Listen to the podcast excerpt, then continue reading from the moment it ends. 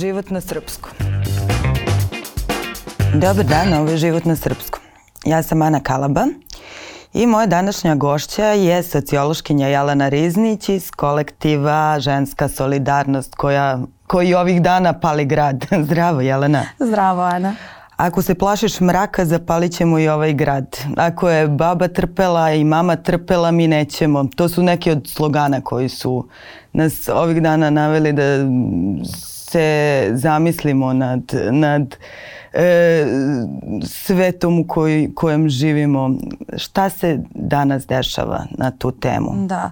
Pa evo ja moram da kažem ove lično da, je, da su to meni najdraži i uz taj a, uz te onaj slogan žena je rodila sve nas, žena će roditi revoluciju to mi nekako, svi ti slogani koji na neki način prosto povezuju našu borbu zato što je i nasilje kao i, i borba i nasilje su zapravo nešto što transgeneracijski nas spaja, dakle sve žene i važno je da uvek ističemo uh, taj, taj, uh, taj segment uh, i to nekako i pokazuje kako je ta inicijalna kapisla koja je pokrenula proteste prevaziđena već na sledećem protestu. Dakle, onaj koji je bio u sredu jeste bilo to inicijalna reakcija, bio je tako pun uh, tuge, povređenosti i slično, ali i, i, i besa.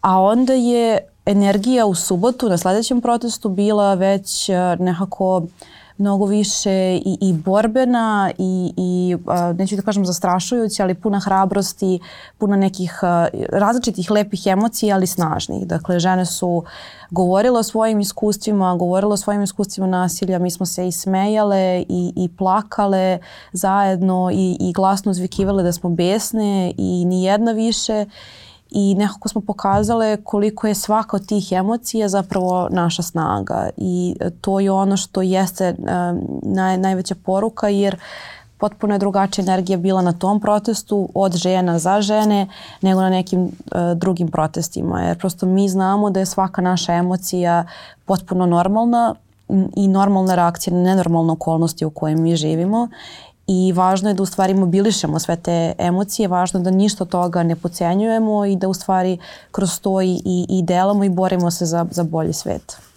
Da, prvi povod je bio intervju sa silovateljem objavljen u jednom tabloidu, međutim već i tad je bilo jasno da to mnogo, malo više od toga. Jel Jest. možemo da pričamo o revoluciji koja da, se da. nastavlja? Da, da, da. Pa a, mnogo je više od toga zato što a, mi nekako puni se ta čaša svima nama od svakoj ženi, o, od prvog svedočanstva Milene Radulović početkom prošle godine, pa je onda išla Ilin, Ili, Iva Ilinčić, pa onda Daniela Steinfeld, pa onda uh, devojčice iz Jagodine, hrabre petničarke. U svemu tome, dakle, mi imamo svakog meseca ne znam koliko ubijenih žena i u svakom od tih, i onda se na kraju godine završava sa onim nisam prijavila i u svakom od tih slučajeva mi čitamo u tabloidima da smo mi krive. Dakle, e, svaka od nas nekako mora da živi sa tim da kada nešto e, podeli ili ako razmišlja da li će podeliti, ona ima negde u glavi koji su to komentari koji, ne samo oni anonimusi koji ostavljaju ispod tih vesti na tabloidima, ali oni to ostavljaju zato što im je dat prostor, a taj prostor stvaraju ti tabloidni mediji koji prebacuju odgovornost na, na, na žene.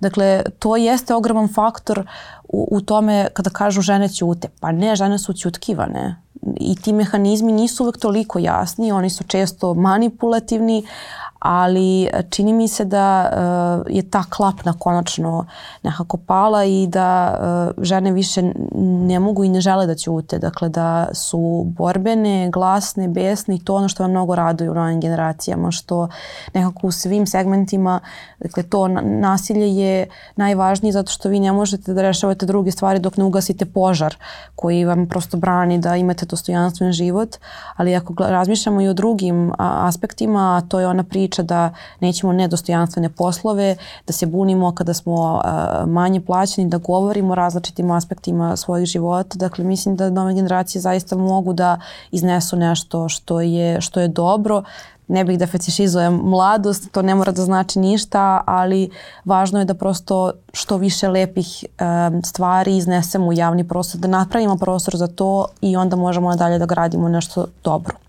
Mm -hmm. Pa i na ovim protestima, baš smo sad pričale, mnogo mi je do, dobar moment što vidim mnogo mladih žena u prvim redovima. E, ti, Radmila, Anita, dosta ste se pojavljivale i po medijima ovih dana.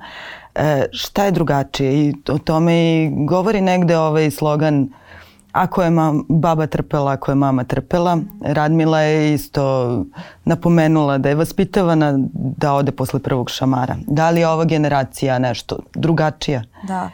Ne mogu da kažem da je generacija cijela nešto drugačija, zato što, e sad moram da se pozovem na taj naučni aspekt, ono što nam istraživanja pokazuju jeste da a, postoji taj snažan talas uh, a, ponovne te retradicionalizacije, dakle da vrlo često zbog različitih a, a, kanala reprodukcije tih stereotipa, dakle i kroz obrazovanje i kroz a, upliv crkve u javnu sferu, dakle o tome šta oni misle o različitim aspektima ženskog života, mnogo je lakše manipulisati mladima, ali dobro je da sada postoje kao što si rekla, mlade žene u javnosti koje mogu da pokažu da može drugačije.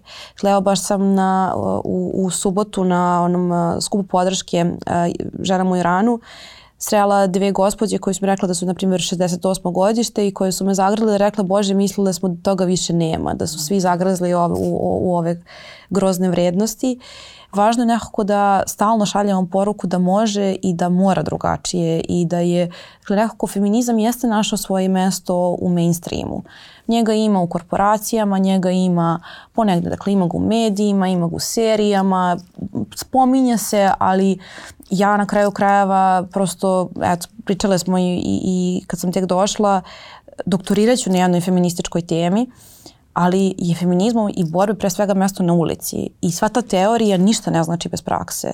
Sva ta teorija postoji zato što su neki prethodne generacije žena takođe izlazile na ulice, takođe su se nekako a, izlagale brojnim neprijatnostima, nalazile glas u sebi i na taj način davale glas svima nama i mnogo je važno da u ovom sveopštem ludilu i u ovoj permanentnoj krizi u kojoj živimo od marta 2020. da se okrećemo ka tim pozitivnim primjerima, da tražimo taj borbeni glas u sebi i da konačno krizu zaista, jer kriza nisu samo to, krize su i prilike, da konačno zapravo te krize iskoristimo tako da prosto tu lopticu okrenemo i da prebacimo na svoje polje. Misliš da je sad e, teren nekako spreman za, za neke konkretne promene? Ja, to je, to je maraton, to traje i sad kada bih počela da vam pričam koliko tu stvari treba da se menja i koliko je to sve strašno. Mi sad svi govorimo o rasprostranjenosti seksualnog nasilja koje je najprisutniji zločin, ali ako pogledamo statistike, to je recimo u Republici Srbiji najmanje prijavljivani zločin. A zašto? Zato što se žene boje, logično zbog svega ovoga o čemu smo govorile, i zbog još jedne vrlo važne stvari. Dakle, mi već decenijama znamo kako zapravo šta pišu žene koje rade sa drugim ženama koje su preživele seksualno nasilje, a opet u našem krivičnom zakoniku seksualno nasilje, odnosno silovanje je definisano tako da ok, on koristi silu, ti uh, imaš, ovaj, ti, se, ti se nekako braniš i samo je to silovanje. I to onda znači da gomila žena čije se iskustvo ne poklapa sa tim, a prosto sva istraživanja pokazuju da se ogroman broj žena zaista ne ponaša tako prilikom traume seksualnog nasilja. Dakle, vi već na prvom koraku padate, vaša prijava biva odbačena zbog nedostatka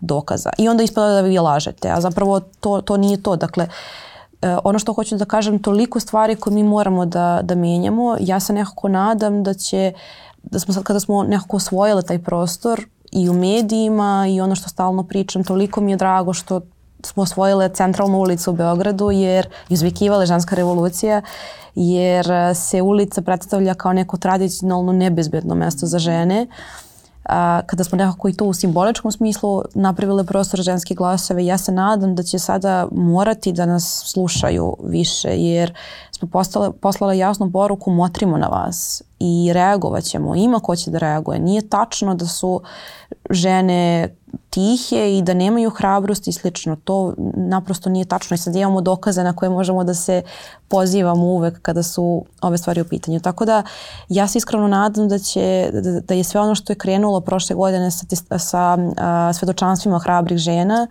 što nekako sad imamo rezultat toga i u javnosti, imamo rezultat toga i na ulici.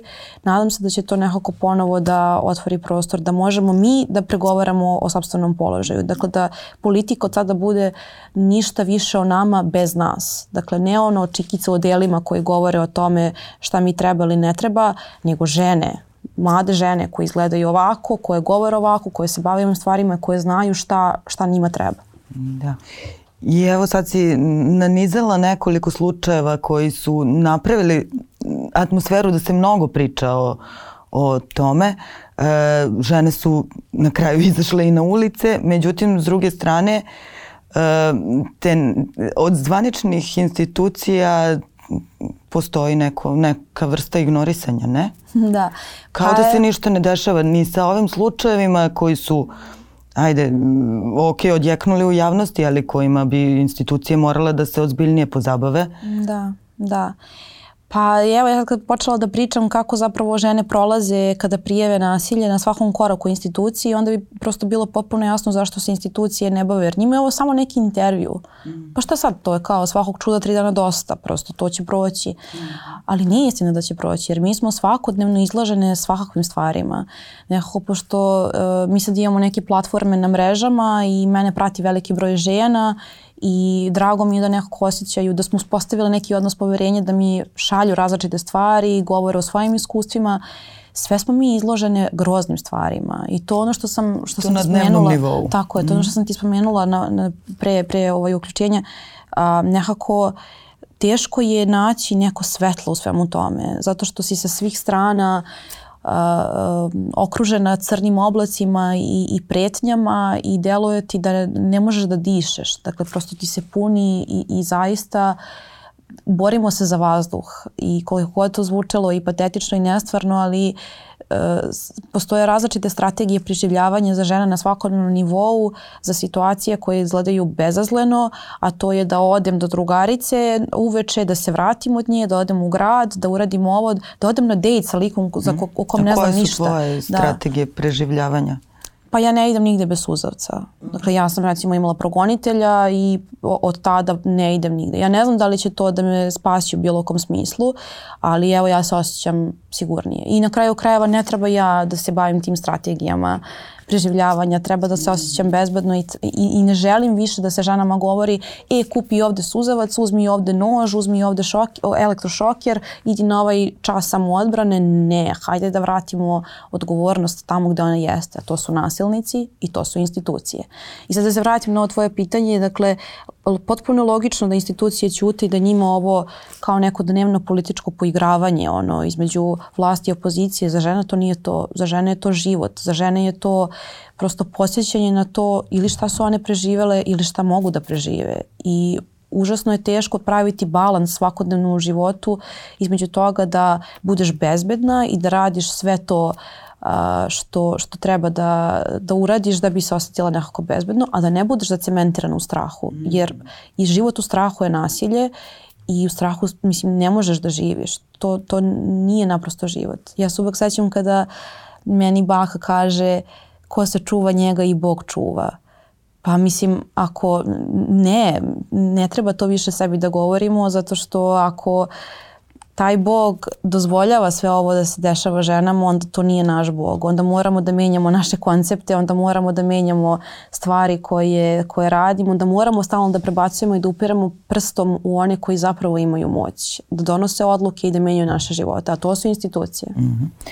A sad smo pominjali i, i reakcije žena na, na ovakve slučajeve čujem da ste proglašene histeričnim ženama uh, da, od da, da. strane žene. Da, da, da.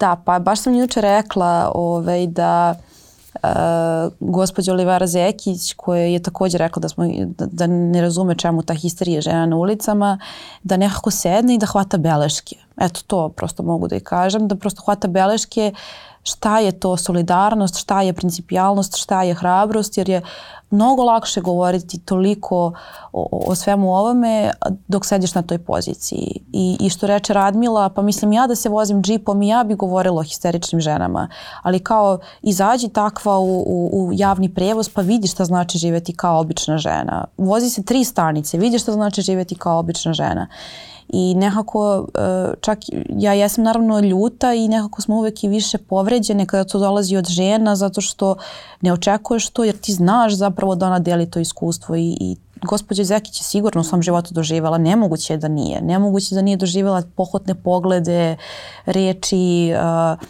ne znam, seksualnu ucenu, tako neke stvari koje sve mi preživljavamo, ali ipak bira da bude ušuškana u svojoj poziciji i vrlo često uh, nekako one deluju još ostrašćenije u svemu tome jer znaju da ako okrenu ploču pa ti muškarci će se ponašati isto tako i prema njima. Oni će izgubiti svoju poziciju. I opet da citiram Radmilu Petrović Divnu koja kaže ona živi u iluziji. Mislim, nismo mi u histeriji, ona je u iluziji. Mm. Da, da će i ovo sačuvati, jer prosto sistem te čuva samo dok igraš po njegovim, po njegovim pravilima. Onog trenutka kada se zapravo oglušiš o to, onog trenutka kada kažeš glasno i jasno da ne želiš to, različiti mehanizmi te šamaraju i govore ti pa ne smeš tako. Ali je mnogo važno da znamo da uh, nismo, a kao što, mislim, nasilje ima tendenciju da izoluje žene i da te prosto ubedi da si sama u tome i da se nikome više nikad to nije desilo i da nećeš nikad preživeti. I negde jeste istina da sve mi to u svojoj glavi moramo same da prođemo kroz to kako da preživimo, ali važno je da se podsjećamo da smo u borbi zajedno i e, što nas više ima, što smo brojnije, što smo glasnije, pa ne mogu da ćute, ne, ne, ne mogu da, da ignorišu to. Mislim, ne možemo da, to je kao kad ne, ne možeš da izignorišeš komšiju koji ti burgija subotom u, u 8 ujutru. Dakle, tako i mi prosto moramo da budemo ta burgija koja će burgijati i koja će stalno da podsjeća da smo tu, da smo glasne i da, i da motrimo šta se dešava i da se prosto tiče nas pre svega. Mm.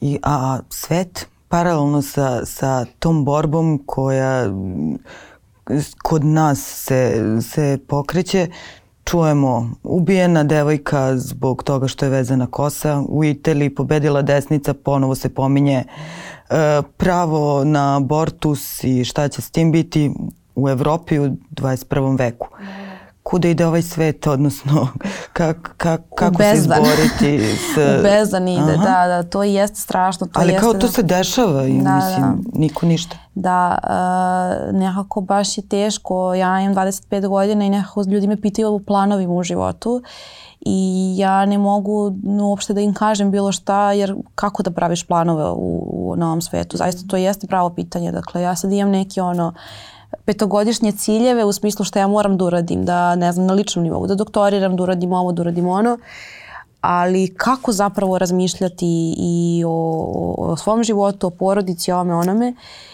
zato što ono što čini mi se glavni problem u ovom trenutku jeste što ovo se ne dešava prvi put, nama je potpuno jasno i sad prosto možemo čak da izvodimo toliko jasne paralele. Dakle, fašisti su došli na vlast 22. godine, 1922. godine, negde u ovom periodu, u oktobru. Dakle, 2022. godine dešava se ovo u Italiji. I kao što sam rekla da um, se uh, a, da, da kriza znači prilike, pa to ne znači prilike samo za nas, to znači prilike i za njih. I od početka humanitarne krize, znači od početka pandemije koja, koju najviše otplaćuju žene, jer su one i naj, najbrojnije u medicinskom sektoru i najbrojnije u uslužnom sektoru i one su one koje rade u kući, koje brinu o deci, bolesnima, zavisnima, članovima domaćinstva. Dakle, one iznose pandemiju. Za to vreme a, Poljska, Mađarska, a, Slovačka, Češka, čini mi se Hrvatska takođe, prave planove kako da se organizuju i da naprave tu kao kontratežu Istanbulskoj konvenciji koja brojne stvari u vezi sa ženskim pravima reguliše, između ostalog i pravo na, na abortus i uopšte reproduktivna prava. I onda sad kao uh, razmišljaju kako da naprave taj uh, blok tradicionalnih država i da zakinu ta prava. Zašto? Zato što žene moraju da brinu porodici, žene moraju da drže na svojim plećima čitave države da se ne slome. Zamislite samo da žene jednog dana odluče da stupe u štrajk i da ne rade ništa od onoga što rade svakog dana, što je ostaje nevidljivo.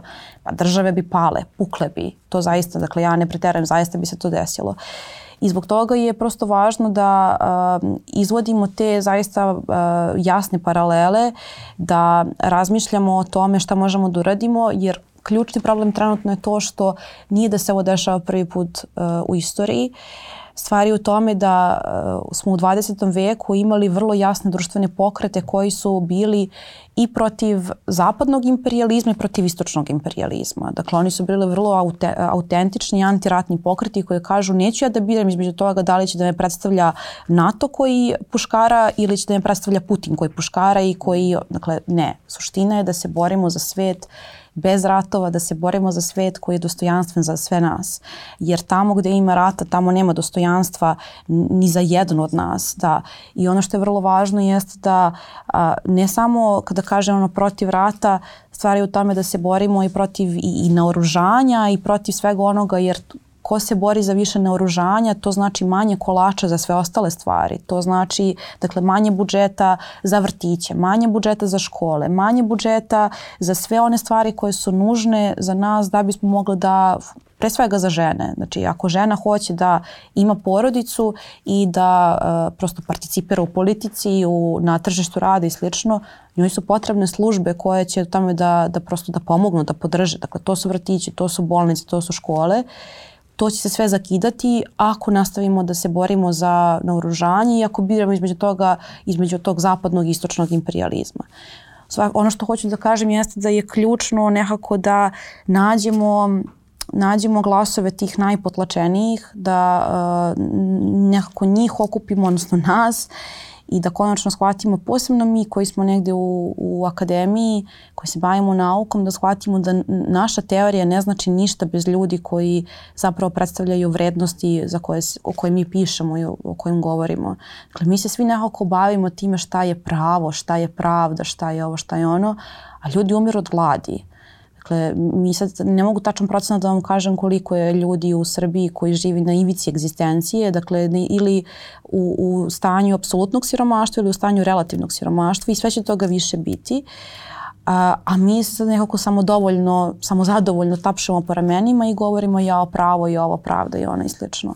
Mnogo je važno da vratimo tu borbu na ulice, mnogo je važno da vratimo taj plamen otpora na ulice i da sve ono što smo mi naučili uh, kroz školovanje nekako iskoristimo u, u, u praksi. Ja nemam ništa protiv toga, baš naprotiv, da feminizmi budu u, u akademiji, u školi, treba da budu. Treba od prvog dana da se devojčice uče da mogu sve, Dakle, da mogu i da se veru po drveću i da mogu da budu astro, astronautkinje i naučnice i ovo i ono, ali je važno da se istovremeno uče da onog trenutka kada im se zakine to, da treba da izađu na ulici i da se bore za svoj glas. Dakle, da se bore za to jer kao što je rekla Simone de Beauvoir, potrebna je samo jedna politička, ekonomska ili religijska kriza, pa da sve ono što imamo bude dovedu u pitanje. Dakle, ženska prava su ona prava koje nikada nisu apsolutna i koje nikada nisu zagarantovana. Prosto uvek moramo da budemo na, na oprezu.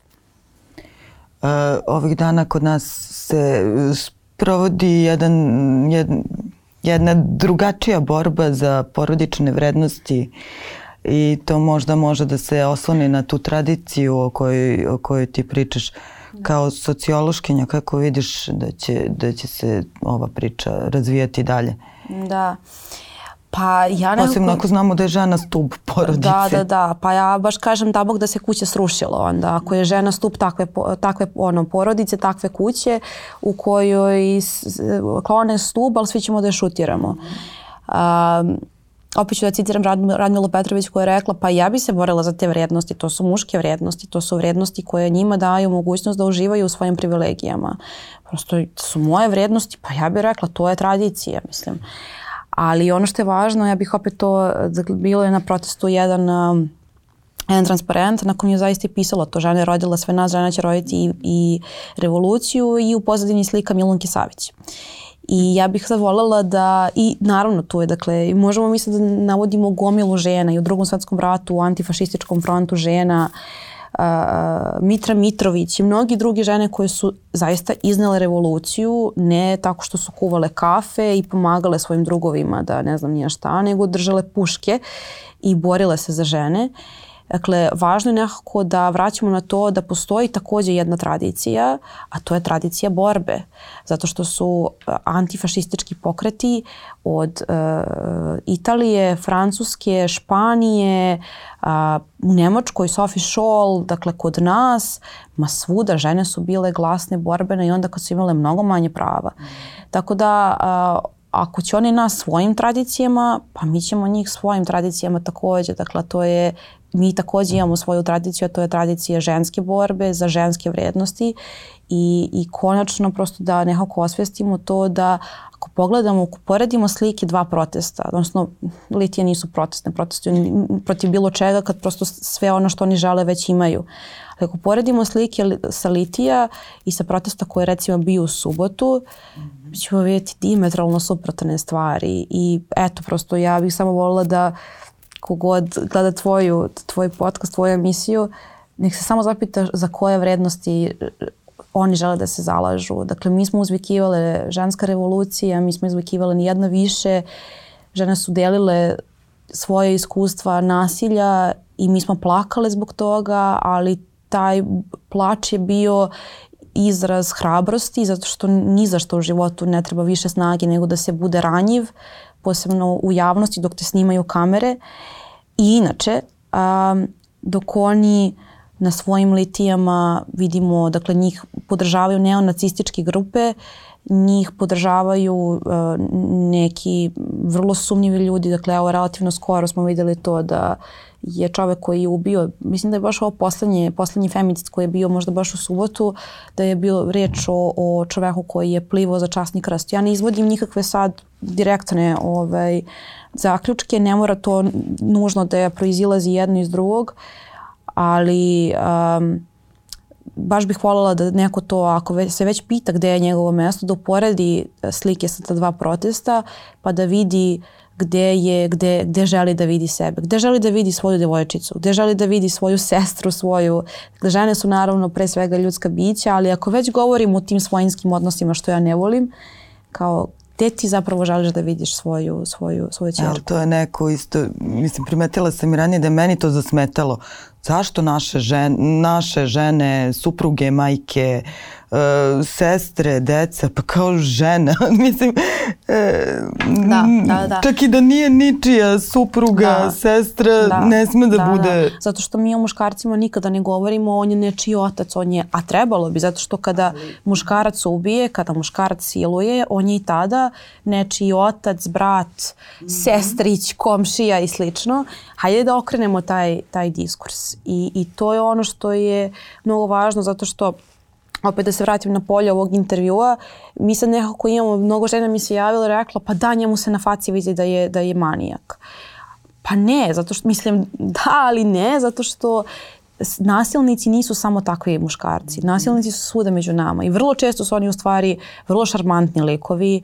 Oni su omiljeni i, i, ono, i radnici meseca i omiljene komšije i, i možda dobri očevi i možda dobri prijatelji, ali su nasilni prema ženama. Uh, vrlo važno nekako da budemo spremne da e, nasilje, odnosno spremni kao društvo da nasilje osudimo beskompromisno. Dakle, ne samo onda kada nam se nasilnik ne sviđa, ne samo onda kada nam on nije simpatičan zato što izgleda na neki način ili zato što se zalaže za neke politike koje nam se ne sviđaju, ne, utoliko pre zato što nasilj, nasilnika ima u svim redovima i mnogo je važno da prosto, jer to onda ukazuje na to da ženu cijenimo kao ljudsko biće po sebi i za sebe. Dakle, njen život, uh, njenu egzistenciju cijenimo, cijenimo kao vrednost za sebe i da ćemo prosto podržati i da ćemo je verovati kogod da je sa, sa druge strane. To onda šalje glasnu poruku, jasnu poruku da je s jedne strane nasilje nedopustivo, a da su svedočanstva žena o nasilju bezbedna sa svima nama.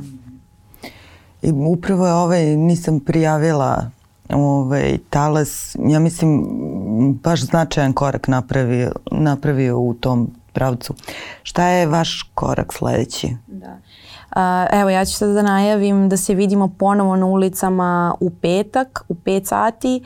Pratite naše platforme, dakle stranicu Ženske solidarnosti na, na svim društvenim mrežama, dakle na Instagramu, Twitteru i na Facebooku. Tamo ćemo tačno napisati mesto uh, želimo da ponovo pošaljemo poruku da to što način na koji oni tretiraju nas sada, dakle to što oni ne žele da uzmu u obzir da uopšte govore o stvarima koje nas muče, da je to nedopustivo. Želimo da pošaljemo poruku da nas ima i da ćemo se boriti za ono što je za nas važno i prosto pozivam sve ljude da, da dođu, pozivam ih da podrže naše proteste, pozivam ih da podrže žene oko sebe i da uvek budu onaj uh, glas sigurnosti i glas koji, ona osoba koja zapravo uliva dovoljno poverenja, tako da žena koja je u blizini može da kaže doživjela sam ovo, treba mi pomoć ili treba mi podrška. Tako da, uh, eto, pratite stranice, odnosno platforme ženske solidarnosti i vidimo se na, na protestu ponovo. A ko čini kolektiv ženska solidarnost? Da. Ajde, sad mislim da bi ljudi volili da, da, da, da. saznaju ko su... Da, da. I, A, ja a, zaista moram ponosno, najponosnije da kažem da smo mi a, volonterski kolektiv. Dakle, mi smo se okupile, najprije smo postojale u, u vidu zatvorene Facebook grupe gde smo delile svoje različite iskustva. Sve smo bile nekde aktivne u različitim organizacijama i takođe neformalnim kolektivima. Smo želele da delimo svoje iskustva uh, nasilja i diskriminacije, seksizma, pre svega od tih muških kolega koji su navodno naši saveznici. A onda nekako prirodno kada se skupe žene i kada dobiju prostor da govore o temama koje su njima značajne, dešavaju se magične stvari. I onda smo mi nekako krenule da razgovaramo o različitim temama, da reagujemo na stvari, da reagujemo na laži u medijima, pre svega na laži u vezi sa brojem abortusa i tako nekim stvarima. Mm -hmm. I onda smo postale kao zvanično kolektiv. Tu su mahom a, studentkinje, a, neki od nas su, ja sam recimo studentkinja doktorskih studija i radim, neki su takođe malo stariji, ali maho mlade žene, dakle 20. godine. Uh, moram samo da kažem šta se tačno dešava ovih poslednjih dana dok mi kuvamo ovoj revoluciji, šta se dešava u naše četiri zida. Dakle, sve se mi bavimo ovih, stva, ovih dana svim drugim životnim stvarima. Mi se, ono, Nataša Lenko koja se pojavlja u medijima u petak pred protest masterirala, išli smo da je slušamo. Anita Marković ovih dana upisuje master studije i prolazi kroz, kroz prijemne ispite. Ja završavam svoje obaveze za doktorski studije i za posao. Jedna članica uopšte ne živi u državi i sve vreme podržava i dakle vodi komunikaciju na mrežama i slično. Sve imamo, dakle i ovo sve radimo to se nekako i čuje i ovim sloganima i evo pričali smo ko je smišljao, sve smo, sve smo smišljale zato što sve ovo što radimo dolazi iz srca i dolazi iz naše ogromne želje da sve ono o čemu mi stalno razgovaramo, o čemu mi stalno pišemo, jer ženska solidarnost postoji od februara prošle godine, da nekako sad to prenesemo na ulice, prenesemo u praksu jer kao što bi skoro reče Anita, mi smo zajedno letovale I onda svaki naš razgovor zaista i tiče se na neki način ovoga. Dakle, mi plivamo na braču, plivamo na moru i pričamo o ovim stvarima. I mnogo mi je drago što se to osjeća, što se osjeća ta energija, što se osjeća i mladost i spremnost da se i izložimo i da se žrtvujemo, zato što iako nekad može delovati sa strane da nama sve ovo ide lako i da i svaki izlazak u medije i svako izlaganje na, na protestu i držanje govora i slično uh, to izna, jeste produkt toga što mi prelazimo svoje granice i što takođe negde tražimo u sebi i, i hrabrost i crpimo to od podrške drugih, drugih žena iz kolektiva, mnogih drugih žena koje nam se javljaju zaista sa predivnim porukama. I e, eto, samo sam htela da kažem da smo mlade i da sam mnogo ponosna na to kako trenutno a, funkcionišemo u ovim a, e, kriznim situacijama, jer ovih dana stvarno ima svega sem spavanja i normalnog života. Da bismo prosto stigle sve da ovo da, da uradimo, da bismo održale komunikaciju sa mnogim ženama koje žele da nam kažu šta one misle i slično, jer prosto protest pripada svima njima. Dakle, mi smo započeli, ali protest pripada ženama. Zbog toga mi stalno naglašavamo da je nestranački, ne zanima nas prosto, naravno, nek stranke pokreti dođu, ovi opozicijni dođu, nek podrže, to je super. Ali prosto pro, protest pripada ženama, mi smo to započele i želimo da tako i ostane, da prosto bude uh, to nešto što je samo, samo žensko, samo naše. Dakle, od nas za druge žene i zato nam je važno prosto da održimo tu živu komunikaciju sa ženama koje nas prate I opet kažem, zbog toga je toliko fascinantno, zaista, op, baš kažem, ovaj, prosto samo prošle nedelje i ove nismo stigle da odemo na Kosovo da rešimo tamo stvari ili Ukrajinu da tamo rešimo stvari, sve smo drugo stigle. Tako da, eto, mlade smo i jako sam ponosna što ovo sve izdržavamo potpuno volonterski, eh, ali iz neverovatne želje da, da svoje osjećanja prenesemo i na drugi ali upravo zbog te energije je i tako, tako odjeknulo, tako da. buknulo. Da, da, da. E, hvala ti Jelena, vidimo se na ulici za početak. Hvala i, i prosto nadam se da ćemo se vidjeti još mnogo puta na ulici.